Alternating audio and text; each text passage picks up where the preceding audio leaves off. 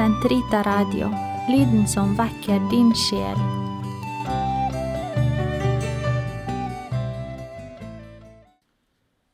Den katolske kirkes katekisme, uke 44, søndag 23.87-24.00. Andre krenkelser av ekteskapets verdighet. Man kan forstå det dramatiske i at en som ønsker å omvende seg til evangeliet, ser seg nødt til å sende fra seg en eller flere koner som han gjennom en årrekke har levd i ekteskap med. Flergifte er imidlertid ikke i samsvar med moralloven. Det står i radikal motsetning til det ekteskapelige fellesskap. Det benekter i virkeligheten direkte Guds plan slik den ble åpenbart for oss i opphavet. Det strider mot mannens og kvinnens personlige likestilling. De som i ekteskapet hengir seg til hverandre i udelt kjærlighet, som dermed er én, til utelukkelse av andre. En tidligere polygam kristen har alvorlig plikt til å overholde de forpliktelser han har påtatt seg overfor sine tidligere hustruer og sine barn. Blodskam, incest, betegner seksuelle forhold mellom slektninger eller inngiftede innenfor den nære slektskapsgrad hvor loven forbyr ekteskap. Sankt Paulus tordner mot slik særlig alvorlig synd. Man hører om at usedeligheten trives blant dere. Det går jo så langt at en av dere lever med sin stemor. Forent i vår Herre Jesu Kristi kraft skal vi overgi denne mann til Satan for at hans legeme skal gå under. Første kor 5, 11, 4, 5.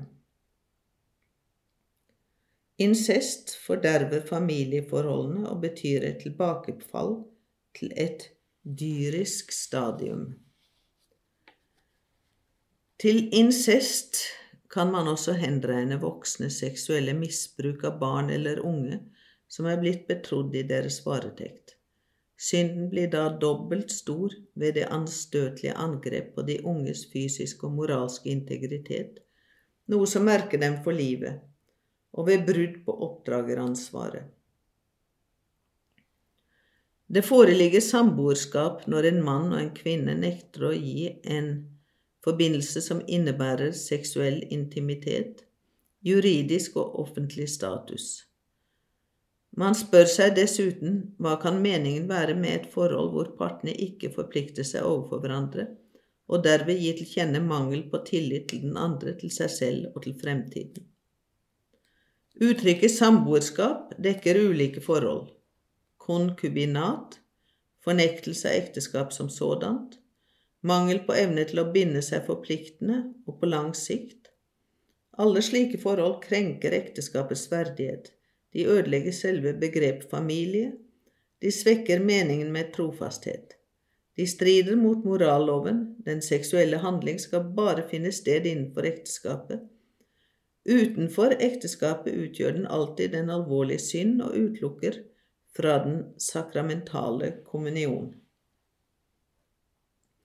I dag er det mange som krever rett til en slags ekteskap på prøve i tilfeller hvor det foreligger hensikt om å gifte seg.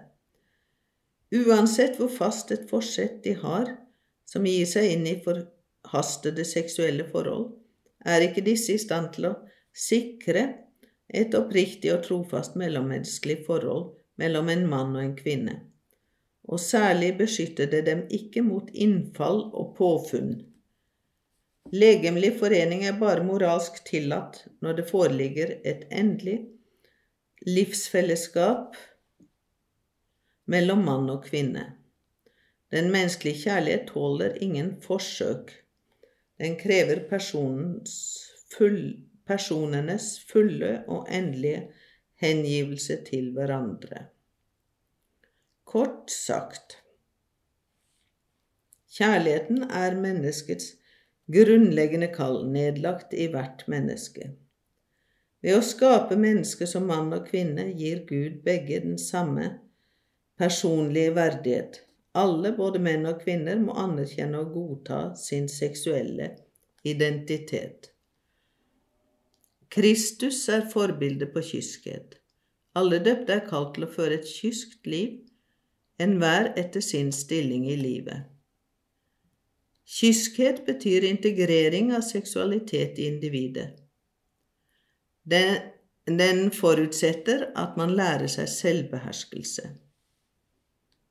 Blant de alvorlige synder mot kyskheten skal nevnes onani, hor, pornografi og homoseksuell praksis. Den pakt ektefolk har inngått, bygger på trofast kjærlighet. Den medfører plikt til å bevare ekteskapet ubrytelig.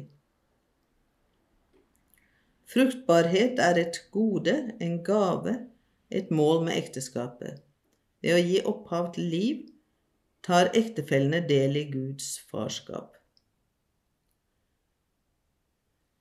Fødselsregulering er en side ved ansvarlig foreldreskap. Rettmessige hensikter fra ektefellenes side er ikke tilstrekkelig til å rettferdiggjøre bruk av moralsk forkastelige midler, f.eks. sterilisering eller befruktningshindrende midler. Ekteskapsbrudd og skilsmisse, flergifte og samboerskap utgjør alvorlige krenkelser av ekteskapets verdighet.